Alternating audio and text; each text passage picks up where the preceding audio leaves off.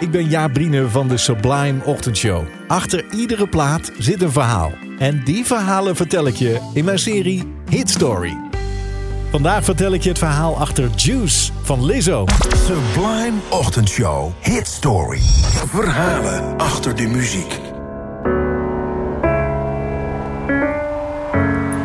Jaar heeft ze er inmiddels aan gewerkt. Aan haar derde album. Schrijven, componeren, opnemen, mixen. En ondertussen ook nog eens feesten en het leven vieren in de nachtclubs van New York. Het is de zomer van 2018. Lizzo is net 30 geworden. Haar album is bijna klaar, maar nog net niet, want het moet wel perfect zijn. Het is namelijk het eerste album voor een groot platenlabel. Dus het moet wel goed. Ze hebben nog een paar liedjes nodig en dus zit ze weer in de studio... samen met haar songschrijver en haar producer... maar ze is op zijn zachtst gezegd een beetje moe.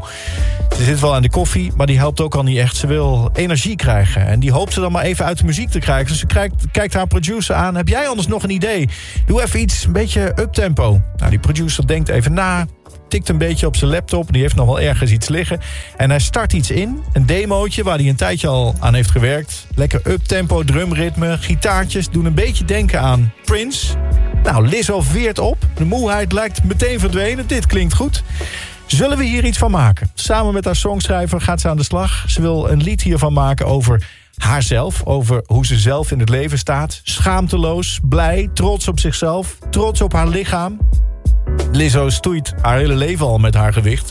Ook al toen ze nog Melissa werd genoemd en klassiek dwarsfluit studeerde. Inmiddels is ze een voorvechter voor body positivity. Ze wil opkomen voor mensen met overgewicht.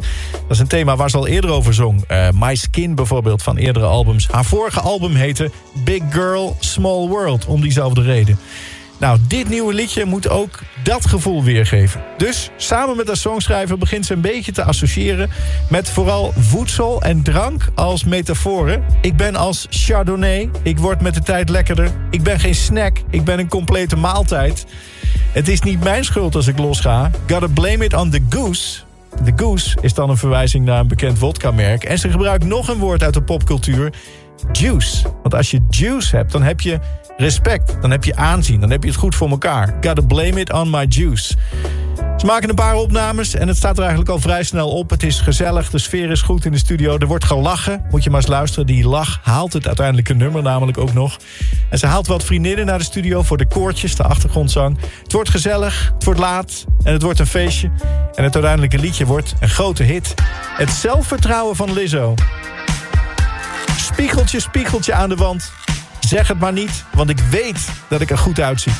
Het is Lizzo en Juice.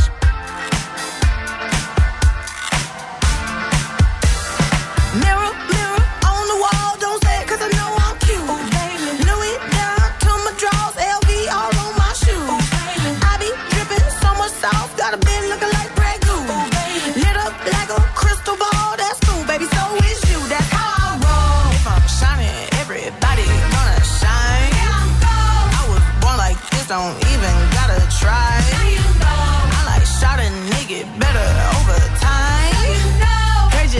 I'm not the baddest bitch you like.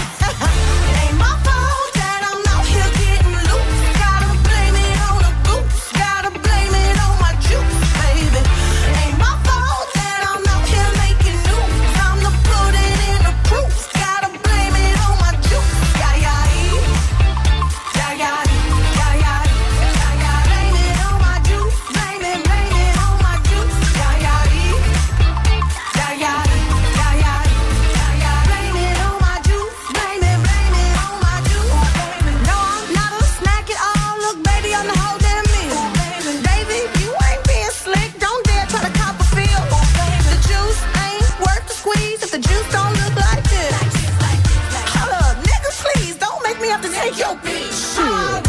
If I'm shining, everybody wanna shine. I was born like this, don't even gotta try.